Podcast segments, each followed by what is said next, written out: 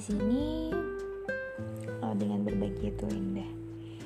Sebenarnya uh, apa ya? Jadi aku mau sharing tentang belajar mengajar sih.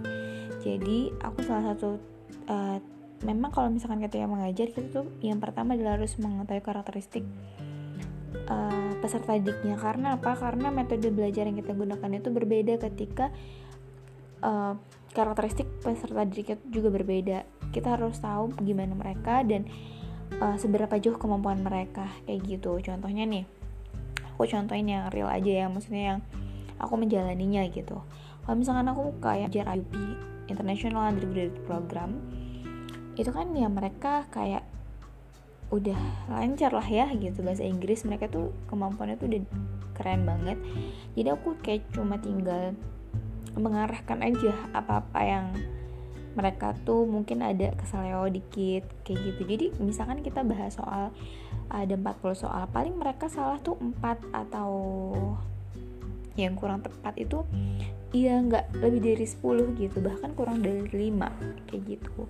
Dan ketika aku udah mengetahui kemampuan mereka kayak gitu yang udah bagus jadi aku pertama itu nyuruh mereka untuk uh, jawab soalnya biasanya tuh kalau anak kayu itu reading aja langsung 40 soal tuh it's okay.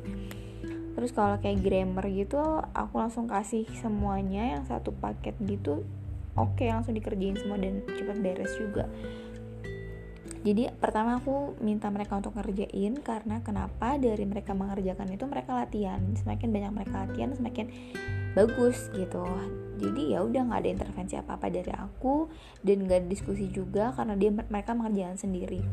Kemudian setelah mereka mengerjakan sendiri uh, yang tadi pagi aku terapin aku buat kelompok jadi mereka berdiskusi di kelompok itu dan aku yang aku pernah share juga yang games yang aku buat. Jadi ketika ada games itu kayak mereka tuh bener-bener think about that yang apa sih nih jawabannya bener ya? Gitu. Mereka yang diskusiin jadi ke setiap poin itu mereka kayak nggak mau kalah gitu loh. Walaupun punishmentnya sebenarnya mudah banget. Paling cuma memorizing atau enggak uh, to explanation to explain gitu. To explanation sorry. To explain gitu kan. Uh, menjelasin misalkan soal yang nomor ini itu jawabannya apa dan kenapa sih jawabannya itu kayak gitu. Sebenarnya as simple as that gitu for the punishment. Tapi tuh for punishment kan. Tapi mereka tuh kayak hmm, apalagi laki-laki dan ke, aku uh, anak FEB itu satu perempuannya yang jadi banyak laki-laki dan kayak mereka tuh uh, apa ya dia mau menang gitu. Walaupun punishmentnya tuh nggak seberapa tapi mereka kayak I want to be a winner gitu.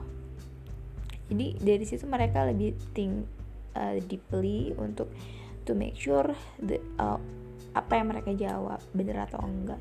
Dan setelah mereka diskusi ya itu quiz jadi lebih kayak hmm, seru sih seru.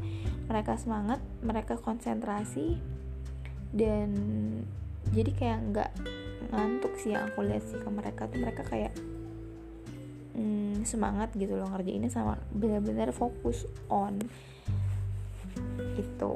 Tapi beda halnya ketika aku mengajar yang ketika aku melihat aku minta kerjain mereka masih bingung gitu. Aku harus jelasin dulu terus uh, jadi aku ketika ada soal aku minta mereka kerjain biar mereka mikir. Kalau mereka misalkan bingung gitu aku nggak langsung kasih tahu jawabannya tapi aku kasih tahu jalannya. Dan ketika udah kasih tahu jalannya ya udah mereka suruh berpikir apa jawaban yang benar dari hasil penjelasan yang udah aku jelasin kayak gitu. Biasanya kalau misalkan yang belum banyak uh, paham itu aku banyak explanation banyak ngejelasin materi karena itu kan buat modal mereka. Baru nanti mereka banyak latihan dari situ.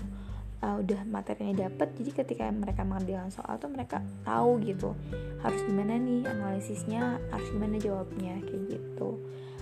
Ini aku sharing sebenarnya untuk diri aku juga untuk reminder kalau misalkan mungkin aku lagi uh, do not have idea for teaching the creative way for teaching gitu. Jadi kalau aku dengerin mungkin aku bisa ingat oh ya aku pernah nerapin cara ini tujuannya itu kenapa?